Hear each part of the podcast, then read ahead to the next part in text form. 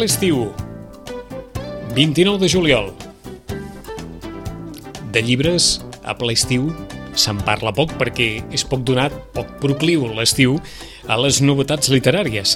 Però ves per on que aquest estiu en té una que potser és la, si no la novetat literària de l'any, perquè n'hi ha moltíssimes, molt probablement és una de les que capitalitzarà les ventes.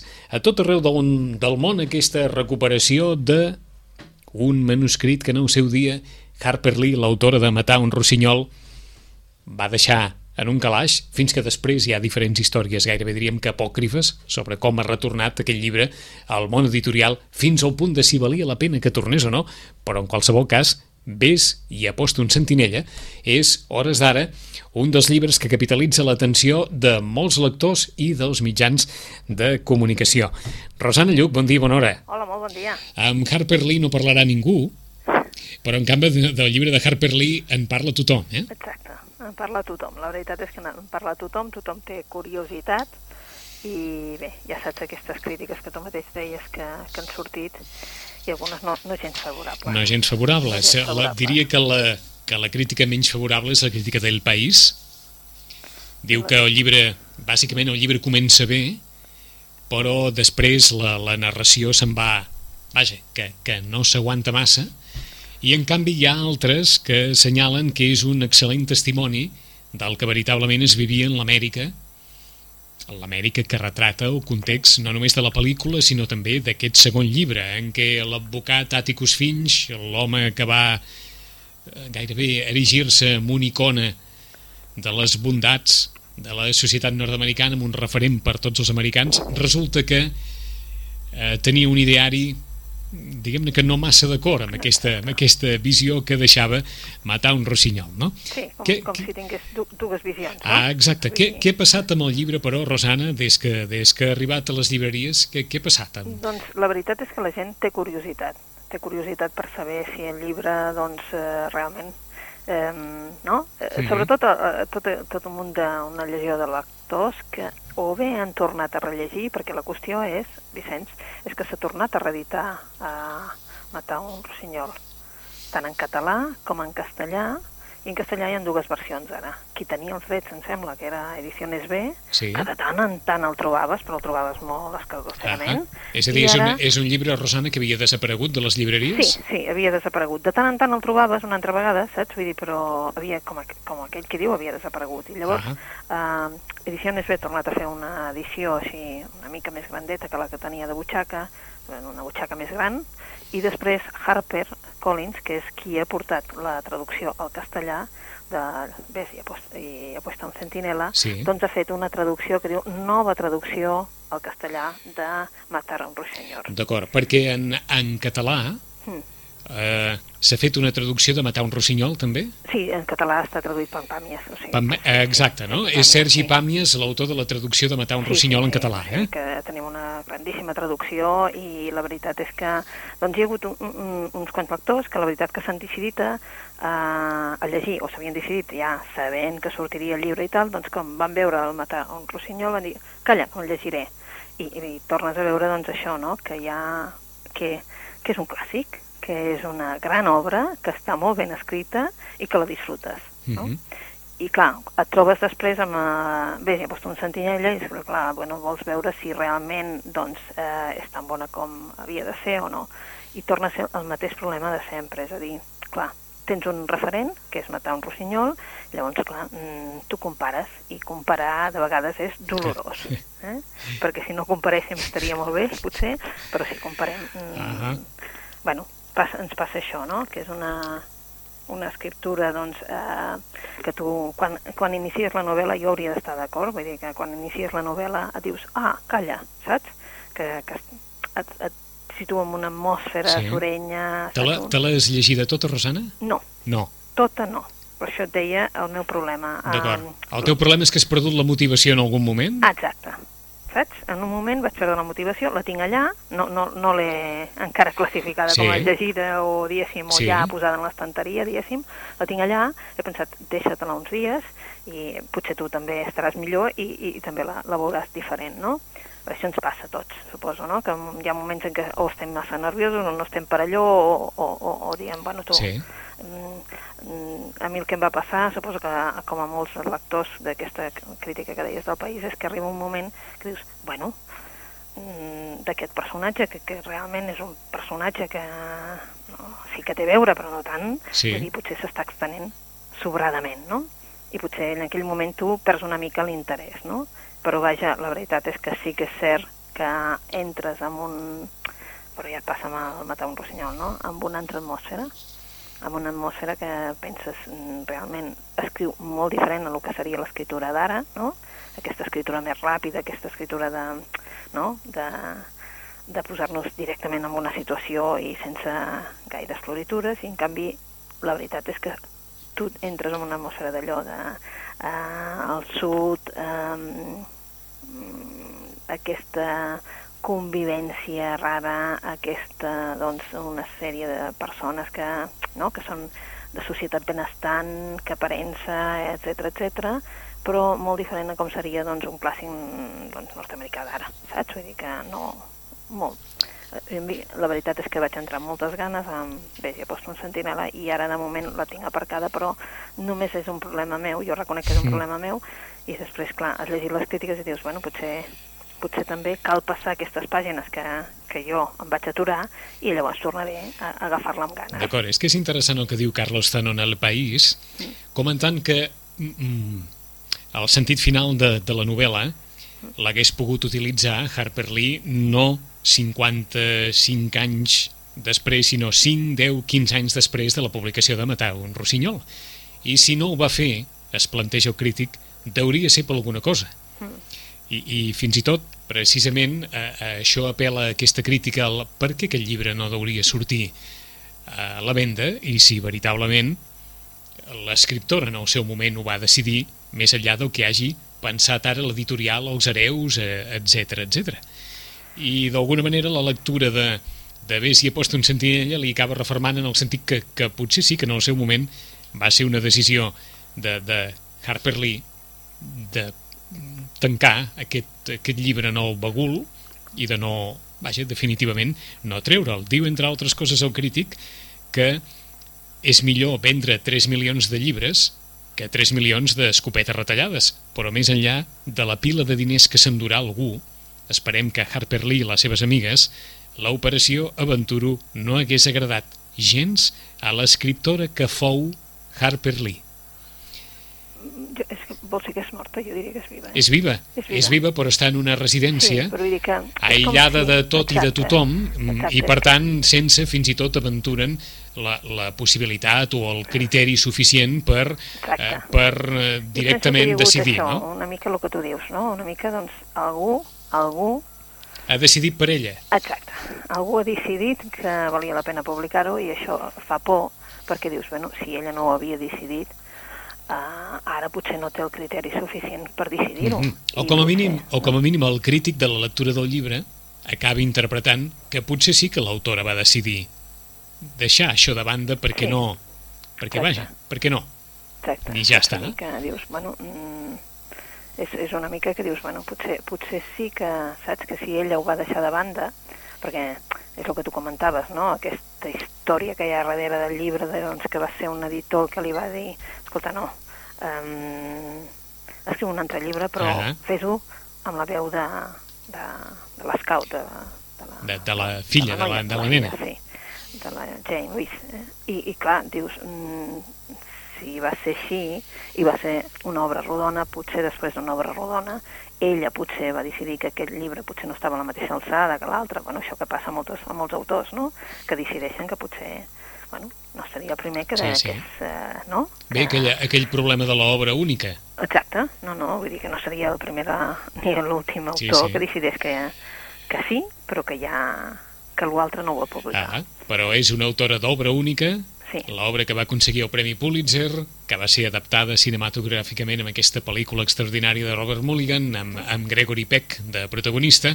Sí. i això ara pesa tant, pesa tantíssim, Sí, sobretot allò que es pugui llegir que vagi més enllà de la pel·lícula i de la i de l'obra literària original, no? Sí, perquè a més a més molta gent és curiós, però molts lectors no recorden gaire el llibre, però sí que recorden la pel·lícula. Ah. Clar, són fruit tots d'una època, no? I llavors, clar, al recordar la pel·lícula, doncs, bueno, fa que, que tu tinguis una emoció tan, tan gran de dir un record tan, tan bo que decideixis que sí, que vols provar-ho. Eh? D'acord, el que està clar és que d'alguna manera ves i ha post un sentinella, ha despertat una miqueta l'interès per recuperar matar un rossinyol. Sí, sí, sí, totalment, eh? Jo crec que totalment, perquè ja dic que hi ha un interès terrible en, en això, no? En llegir l'altra, l'altra obra, Matar un rossinyol, i la veritat és que, bueno, benvingut llibre si recuperem un altre, no? Si en recuperem dos de cop, vull dir, tenim un i ara recuperem un altre. Uh, en principi, jo ja haig de dir que a la novel·la s'hi entra molt bé, molt bé, com et deia, i potser ha sigut un moment, doncs, que, que també, de vegades és un moment personal, no?, que tu la deixes, però reconec que la tinc allà, eh? que no l'he deixada.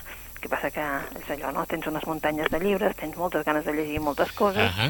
i de vegades la teva pressa fa que no, que no entris a, del tot amb la... La, la tens allà, però no t'ha passat el que en altres llibres, que no l'has pogut deixar fins al final. Exacte. No. No, en aquest moment Mhm. no, o potser, saps què em va passar? Que com que he recuperat el matar un rossinyol fa molt poc, mm, no ho havia d'haver fet, potser. saps? Eh, És massa, massa d'hora i llavors compares i dius, home, això no és el, no és el mateix, i és que no és el mateix. D'acord, doncs que no pot fem-ho ser mai el mateix, fem, no? fem fàcil. Així, així eh, eh, disparant a la, a la directa, eh, la Rosana Lluc recomana matar un rossinyol. Sí, Sí, totalment. doncs de pet a matar un rossinyol. Després ja en parlarem de l'altre, però Sí, qui no hagi sí, llegit matar un rossinyol...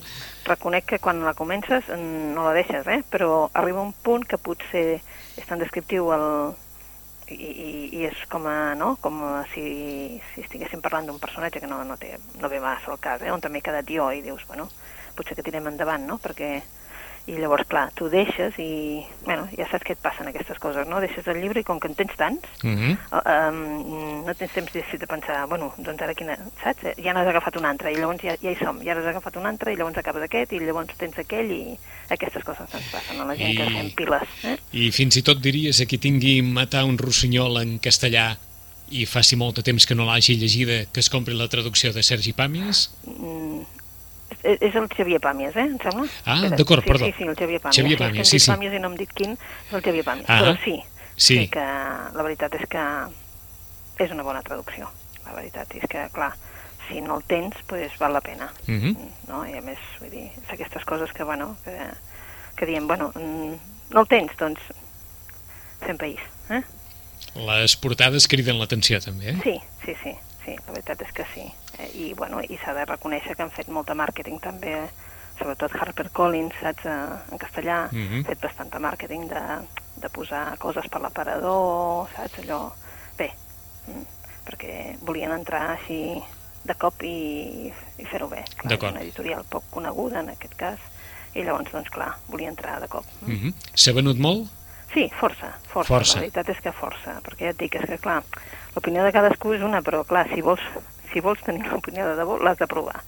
I llavors has de decidir tu si realment no t'agrada o no t'agrada. Ah. Això m'ho deia un client l'altre dia, eh, bueno, escolta, és que jo he llegit les dues crítiques i he decidit que venia a comprar el llibre perquè, a més a més, penso, bueno, és la seva opinió, no la meva. Uh -huh. Exactament. Això també és cert, eh? És l'opinió d'un altre. O sigui que és allò d'en sento tant a parlar Sí. que vinc a comprar-lo. Sí, sí, bueno, també passa, bueno, ara hi ha aquestes operacions, no, són dos llibres, bueno, diguem-ne tres, no?, que se sent molt a parlar, no?, La noia del tren, Sí, aquest, i, i també, clar, el, Grey, encara que sigui per una altra cosa. sí.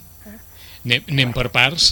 Què ha passat també amb La noia del tren, Amb la noia que és un tren, llibre del qual tothom en parla. Sí, tothom en parla, tothom en parla i, bueno, és allò que dius, bueno, suposo que també és això, no?, Mm, hi ha molts usuaris també de tren, van tenir la gràcia, no?, la Isabel de, de, de la Campana va tenir la gràcia també de, de portar l'autora i fer-la passejar amb tren, no?, fer el, una mica, doncs, eh, portats de la, la premsa i els mitjans de comunicació perquè veiessin l'autora i, i agafant el tren i, i recreant una mica la situació que seria aquesta, doncs d'algú que va en el tren, no?, que fa sempre el mateix trajecte i doncs que, clar, com que hi ha un semàfor s'atura sempre en el mateix lloc i llavors sempre veu a, a, una parella i ella Ahà. s'inventa un, una història a partir d'aquí, vull dir, els hi posa uns noms, diguéssim, s'inventa una vida per aquests personatges, no?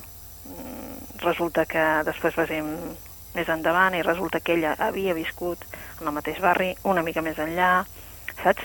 I llavors vas descobrint coses. Eh? La motxilla que porta ella és impressionant com a personatge perquè, és clar, té problemes, problemes amb, amb la beguda, diguem-ne, amb... no sap massa què fer amb la seva vida en aquests moments i llavors, bueno, es veu dintre d'un d'una desaparició de, de la noia, que sempre ella ha estat veient des de la seva des, de, des del tren, i llavors a partir d'aquí doncs, l'acció va amunt i avall, amunt i avall. No? Mm. És un thriller, un thriller d'estiu que l'únic que pretén és entretenir-te uh, aquest estiu. Ja Bé. està. No té, no, vull aquest estiu és molt dir perquè evidentment te l'acabes molt ràpid, eh? perquè és un thriller i per tant la seva missió és enganxar-te i enganxar-te i fer-lo acabar. D'acord, alguns dels llibreters amb els quals parla el periòdico recomanen la noia del tren, però en canvi de les ombres no en parla ningú. No, perquè el grei... perquè el grei, veus? Eh, eh, el, el de les ombres pot no... haver agradat o no, però... De però les ombres no en parla ningú, eh? Però el grei, clar, mm, és una mica com que, no? Dius, va, és, és per als lectors que havien llegit les 50 sombres, eh, vist des del punt de vista d'ell, i aquí tornem a veure doncs, una altra operació de màrqueting. És que ens sembla, no?, a tots plegats, doncs és com si l'autor ara ens donés el punt de vista des del punt de vista d'ell. I per això diu Grey, no la 50 sombres de sinó Grey. Clar, eh, se n'ha parlat molt, perquè, és clar ells van tenir la gràcia, jo crec que la gràcia, eh? perquè, és clar això és mm, de, dos dies abans d'avisar de que faltava una pàgina, Llavors, clar, va sortir absolutament a tot arreu. Algú em pregunta, però això no serà una operació de màrqueting? Doncs és una operació de màrqueting que ha costat milions, eh? Perquè, és clar, tants llibres al carrer i que a tothom li falti una pàgina, pàgina? i que l'editorial es comprometi a dir, escolta, vés a la llibreria i te'l tornen. O sigui, eh, és bona, no eh? Comprat. No, no es pot negar que l'operació és bona, eh? Sí, sí, sí, l'operació és boníssima. Ara... A, a tothom li falta la mateixa pàgina o no, però? Sí, sí, sí, sí, sí, sí eh? la 421. Tota, tota l'edició va sortir sense la pàgina 421. Mm. Saps? Vull dir, uh, ells van dir que era una errada que, que eh, no... I, I què us ha passat a les llibreries? Bé, nosaltres, eh, evidentment, el primer que vam fer, com que ells van enviar la pàgina, ja dic que ens van avisar, tots els mitjans ens van avisar, ens van enviar amb un PDF la pàgina, i jo suposo que tothom ha fet el mateix. Jo vaig anar, que el PDF me'l me posessin a, a la eh, mida de la, sí. de la pàgina. D'acord, a la pàgina del llibre. Del llibre, i jo vaig donar la pàgina posada i avisant al client de que a partir del 27, o sigui, de 27-28, 27 que es posava una altra vegada sí. el llibre en circulació, la És nova edició. És a dir, abans d'ahir? Sí, doncs que vinguessin i els hi canviàvem el llibre. Clar, no pots fer res més perquè el client, no? Vull dir, si vol el llibre el dia que surt, que, sí. no? doncs evidentment li has de facilitar les coses, l'editorial va facilitar molt en aquest sentit, va dir, escolteu, a partir de tal dia tornarà a haver-hi nova edició, eh, evidentment estem corrents perquè surti la nova edició, i la cosa és aquesta, tot llibre que vosaltres veneu, heu de dir al client que si vol el tindrà nou una altra vegada, que el torni i vosaltres li doneu l'edició nova. Ara estava estava pensant, i aquesta pàgina 421 sí. és fonamental per la història? No, o, o... no. no, gens. No gens, eh? No, no, no. No, no, no, no mor ningú en aquesta no, pàgina, no, no, ni, va, no, no, no passa no, res. No mor ningú, es parla d'un raspall de dents, comença a dir que no, que no, no mor ningú, però, clar...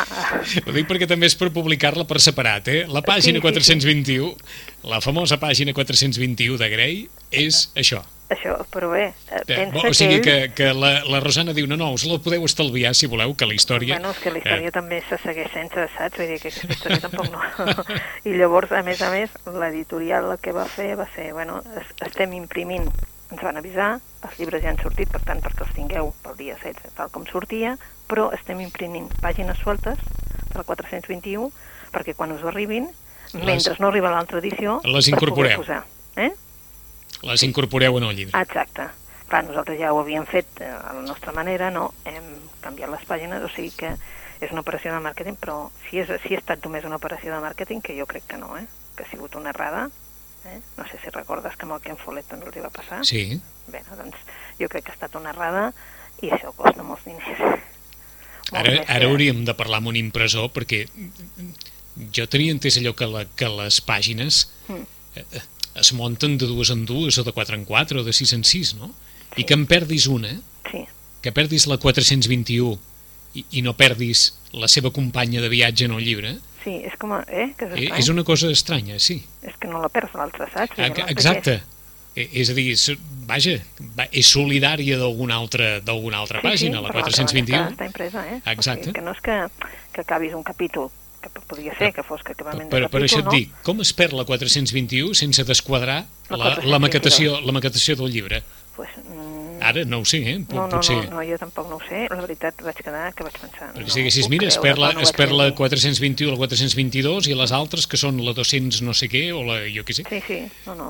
però, vaja, Doncs, és doncs. igual. Ara qui vagi a comprar Grey trobarà ja totes les pàgines, edició, A eh? més a més, han, han posat a, a sobre, saps, perquè no hi hagi equivocació, en el llibre, en la, en la tapa del llibre, en un cantonet han posat no, nueva edició. També us haig de dir, només hi és en castellà, eh? Con la pàgina 421. Incluïda, però no ho diu això. diem nosaltres. A, No? a la nova edició és només en castellà? Sí, sí, no, no, i l'altre també. O sigui, I l'altre també? Només a mitjans de setembre surt l'edició en català. Entesos. O sigui que no, no tenien temps de fer-la Ah. en català i van decidir que la treien al setembre. Saps? Vull dir que... D'acord. Doncs, S'ha s'ha venut molt? Força, sí, la veritat Força. és que força, sí, sí.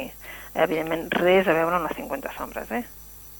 Vaja. També sabem que és un moment diferent, que potser, a veure, al mercat ja, ja hi ha molt de tema sobre això, crec que ja està despertant curiositat de mica en mica, com va passar amb les 50 sombres, eh? De fet, les 50 sombres va començar a despertar-se a través de que un se'l llegia, l'altre li recomanava, es parlava, saps, en grups, etc etc i va començar increixendo. Doncs potser passarà igual, no ho sé, o potser serà un llibre que passa de mans en mans, eh? Ahà. que també pot ser. D'acord? Dir, perquè aquesta vegada només n'hi ha un, és Grey, eh? no sabem si... Ja tothom em diu, no, no, és que tal com acaba, això continua. Dius, ah, bueno, doncs... De moment, no ens han avisat. En tot cas, si continua ja ho veurem, però la veritat és que és això, no? D'acord, però en qualsevol cas, qui el vagi a buscar, ara el trobarà Sí, sí, senceret, nueva edició. amb totes les pàgines, eh? Sí, sí, sí. Recomanacions, Rosana. Doncs mira, jo pensava, bueno, eh, l'estiu també és un moment de llegir novel·la negra, no? Però també de recuperar segons quins autors, no? Eh, Ahà. Una mica és allò de dir, bueno, doncs, novel·la negra, quina? Bueno, sí, ja sabem la, la, la que ens expliquen, no? Les operacions aquestes de, de màrqueting, de dir, bueno, els thrillers de l'estiu, no? Però també hi he pensat, bueno, doncs, i he agafat Simenon, no? I parlar Mhm. de Simenon és parlar d'un comissari, del Magret. Però és que resulta que, en- que el Simenon també, la- l'editorial Acantilado està fent una altra feina a part d'això, i és publicar el Simenon uh, sense Magret, diguéssim. El Simenon que parlava en unes novel·les més psicològiques, no? Ahà. I en aquest cas, l'últim que ha tret és Pedigrí.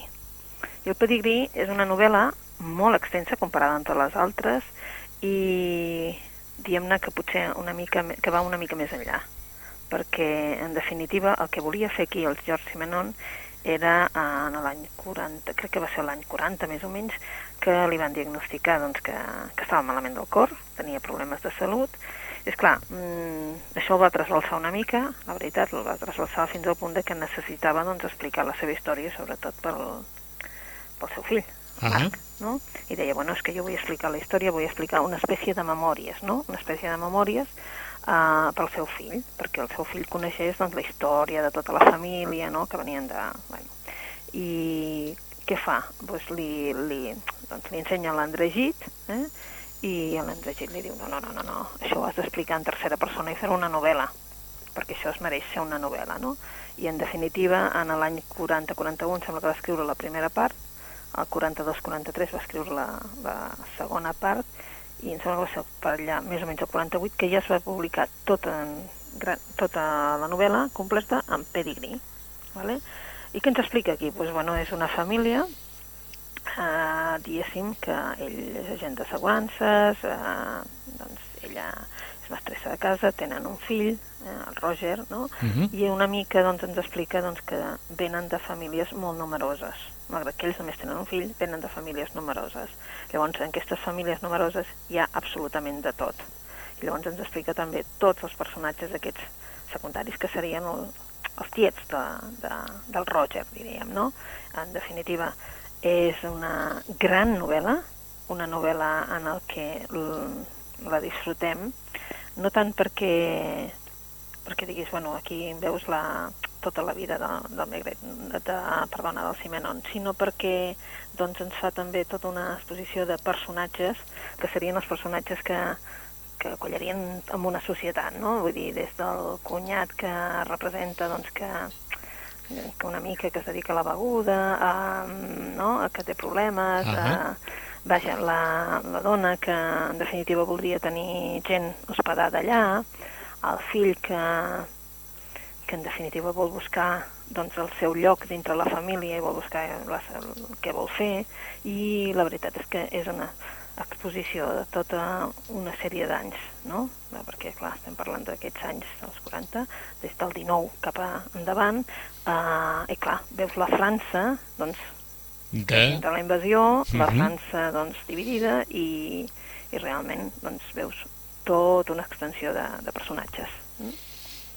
A través de la història, com ens diu Sí, eh, l'editorial de Roger Mamelin, un Sí. nen belga precoç inquiet que arribarà a la majoria d'edat d'una forma dolorosa. L'autor ens transporta als inestables inicis del segle XX, des de les amenaces terroristes de la primera dècada fins al final de la Primera Guerra Mundial. Quina frase més bona també per definir el que passa en el llibre tot és veritat, però res no és exacte. exacte. Veus? Que tot és veritat, no? Però res no és És exacte, exacte. no? Llavors, clar, mm, dius, bé, perfecte, no? D'acord, ens Bé. deies que és una novel·la gran, eh? Sí, 616 és una novel·la, pàgines, eh? És una... S'ha de reconèixer que és una novel·la d'estiu i les novel·les d'estiu són grandetes. Aquesta té més de 600 pàgines, 600 i poc. Eh? Però bé, és que també està bé, no?, que a part de conèixer tots aquests titles que estem llegint i tot això, coneguem també altres autors. El Simenon, quasi tothom el con- el reconeix com a personatge eh, que, que ha fet un personatge que és el Megret, pensem que el Simenon va escriure tantes novel·les que és que és horrorós, no sé si en va escriure 90 i pico Ah aquestes reconegudes i n'hi ha moltes altres que no portaven ni el seu nom, amb la qual cosa se'ns han perdut un munt que no sabem ni quines són, no, no? no es deu demanar massa a les llibreries, per això no? No, Tens, gens. no, tens. No, de tant en tant algú, algun actor, no? avui estàvem comentant amb, una, amb, un, amb, una, amb un client que, segons com, sembla que no tinguem, no?, autors enrere. Eh? Vull dir, hi ha una generació que... Que haguem, que haguem perdut la memòria de tot, eh? Sí. Sí, perquè quan et poses a, a llegir novel·la policiaca, no?, doncs també saps que hi ha uns referents, no? I els referents són, són uns de claus, que t'agradaran o no t'agradaran, diran, els hi han passat els anys, no els hi han passat els anys, d'acord, però qui són? Que la gent no reconegui el Simenon, doncs també és Sí. dur, no? O, o segurament expressa un estat de coses. Sí, sí, sí, sí, sí, sí, vull dir, saps? Bueno, segurament, a veure, molta gent ha, ha vist pel·lícules i per tant sí que el reconeix com a, Sí. saps? Perquè ha vist pel·lícules de Megret, perquè això sí que se'n van reposant contínuament. Entre això i Agatha Christie, doncs tothom recorda Mhm. la pel·lícula, no? Però clar, l'obra escrita mm, no toquen massa. Doncs qui s'hi vulgui posar, Pedigree de George Simenon, editat per Acantilado. Alguna altra recomanació, Rosana? Bé, doncs eh, hi ha un altre que... Bé, sí, un altre dia agafarem i agafarem més clàssics perquè n'hi ha un munt que valdria la pena, però hi ha una obra que és, eh, va ser finalista del Premi Booker i són Els Consells del Colom. És de Stephen Kellman, un autor poc conegut, i aquí no li havien publicat eh, cap novel·la, i, i, i la veritat és que ha, ha guanyat moltíssims premis, però bé, mm, com que és un autor anglès, com que n'hi ha la veritat és que no ens arriba tot. Aquí en veiem la història d'un nano, eh? los consejos de, de la paloma, els consells del colom, um, proa i salamandra l'han editat, Ah. i la veritat és, és un nen, és un nen que ve de Ghana, crec que és, eh? i arriba a, a Londres, evidentment en un barri marginal de Londres, i el que fa, doncs, eh, clar, ell ha arribat amb la seva germana eh, i la seva mare, i clar, s'instal·len en un bloc de vivendes i evidentment a partir d'aquell moment la seva vida serà completament diferent. Clar, ell s'ha d'adaptar amb, amb un entorn eh, en principi serà hostil, clar, i eh, llavors, clar, per què? Pues perquè és un barri, és un barri marginal, per tant, segur, segur que hi ha doncs, els típics, no?, doncs, aquells que li faran la vida, intentaran fer-li la vida impossible, però és un nen que se l'ha d'empesca per viure eh, i, i, i tenir amistat comença a tenir amistat i sobretot enamorar-se d'una nena, no? Una nena que, clar, serà la que farà que ell, doncs, eh, doncs ho vegi tot d'una altra manera. I aquí la que aplica ell són, o sigui, com si, diguéssim, és un nen que ve d'un altre, d'un altre món, per dir-ho d'alguna manera, d'un món en què les coses doncs, són diferents, no només eh, les coses físiques, no? o sigui, els espais físics, sinó també la manera de pensar, i això sí que, que és diferent. Uh, ell, doncs, uh, té un colom com a amic, un colom que ve cada dia al seu balcó, i s'ha acostumat a explicar-li les coses al colom. I és com si ell, saps, doncs, eh, aquesta manera d'explicar-ho, aquesta manera de... És com si rebés consells del colom, que no és així, sinó que ell, uh -huh. al posar en veu alta, doncs fa que això, que reflexioni. Eh? Um, hi ha una nena, a Poppy Morgan, uh, hi ha una nena que, que diguéssim, que li agrada, uh, una nena que representarà el primer amor i també la manera d'afiançar-se en, en aquest món que, que ha vingut, i el que passa és que en un moment donat doncs, hi ha un, un nen que apareix mort, i llavors ell no està disposat a que això quedi així, per la seva cultura ell es vol implicar, és com si fos algú conegut, perquè és de, de, del seu barri, per tant, és ell s'hi vol implicar, però el que no sap és que les coses de vegades, doncs, per molt que ell corri, hi ha qui corre més, i hi ha un assassí que el busca. És una, una novel·la molt naïf, en molts aspectes, eh, està vist des del punt de vista d'aquest nen, però la veritat és que és una, una novel·la emocionant. Els consells del Colom poden llegir, si volen, a grup 62 el primer capítol del llibre, o les primeres pàgines del llibre, per si veritablement els crida l'atenció aquesta història i per tant doncs creuen que aquesta, aquesta visió naïf de la vida combinada amb, el, amb els fets més o menys traumàtics d'un nen que apareix mort els pot resultar motivador per, per començar la lectura. Els consells del Colom de Stephen Kellman, una altra de les recomanacions, i tenim temps per una recomanació més, Rosana. Doncs per una recomanació més seria doncs, una que ens porta a un altre d'estadi, eh, em sembla que no l'hem recomanada, Tantos días felices, aquesta només en castellà perquè és d'asteroide. Uh -huh. I l'autora la, és Laurie Colvin. Com sempre, eh, ens porta, Asteroide ens porta autors que no coneixem de res, que no tenien res traduït o que, i que ell eh, els ha descobert, però són unes històries d'amor, però la veritat és que són unes històries d'amor d'una certa societat. Eh? El Guido i el Vincent eh, són uns nois que van estudiar a Cambridge i, i en definitiva tenen uns somnis, però uns somnis doncs com a molt... No? Un vol guanyar el Premi de Nobel de Física eh? i, el, i l'altre vol escriure poesia. No? Què passa? Doncs que s'enamora, el, el Guido s'enamora perdidament d'una noia al sortir d'un museu i el Vincent mm, coneix amb una noia en el treball i a partir d'aquell moment el que coneixerem és la societat neoyorquina de finals dels 70 i que la veritat és que, clar, evidentment els problemes que poden tenir són molt diferents de, de la novel·la que podíem parlar fa un moment, no? però que són doncs, una descripció increïble d'aquesta societat, no? d'aquesta societat que, que són persones que en definitiva creuen en l'amor o volen creure-hi, però tenen unes relacions de vegades una mica massa frívoles. Mm -hmm. En definitiva, eh, és una crítica de la societat també d'aquell moment i és un relat, doncs, fins i tot divertit sobre persones que s'enamoren. D'aquell moment, perquè en recorda l'editorial que l'autora va morir l'any 92, o sigui, el llibre és veritablement una recuperació d'una autora que ha esdevingut un, un clàssic després de morir. Així sí, ens ho diuen, eh? des d'aquests... Eh, jo la veritat és que li reconec amb el, amb aquest, el Luis Soriano que ens troba uns autors, que recupera uns autors que d'altra manera seria impossible doncs, doncs saber què s'estava fent en aquests anys, no? Uh -huh. I ell té com una ara de, de trobar aquestes autors o autores nord-americanes que reflexaven l'època dels 60, 70 i fins i tot els 50. Uh -huh. mm. Doncs el llibre és Tantos días felices, de Lauri Colvin, i és una altra de les recomanacions de les tres que ens ha deixat eh, la Rosana, de Simenon, Pedigree, de l'home que hi havia darrere el comissari Megret i totes aquelles històries eh, de misteri tan ben ambientades en, en, en un entorn més proper a nosaltres, que no tant als països escandinaus, doncs de eh, George Simenon, Pedigree, aquesta història d'una gran família i precisament d'aquesta gran família se'n nodreix l'autor per un calidoscopi de personalitats que ajuden a muntar precisament la història eh, d'aquest llibre.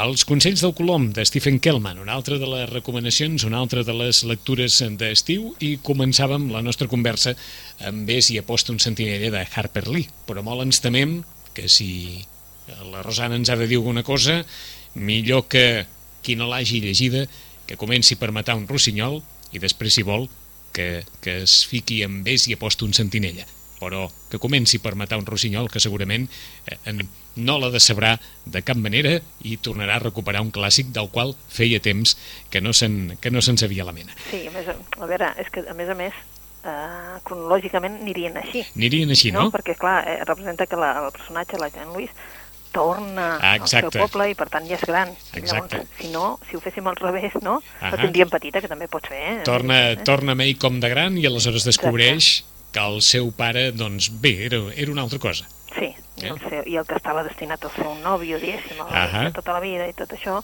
doncs resulta que també, i, i doncs que estava rodejada de gent que pretenia una cosa i era una altra. I era una altra.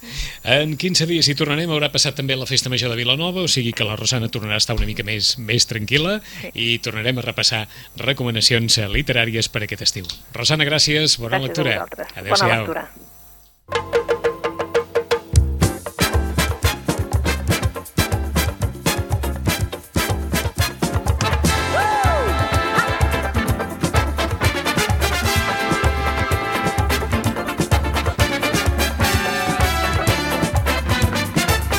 Ràdio Maricel a cel.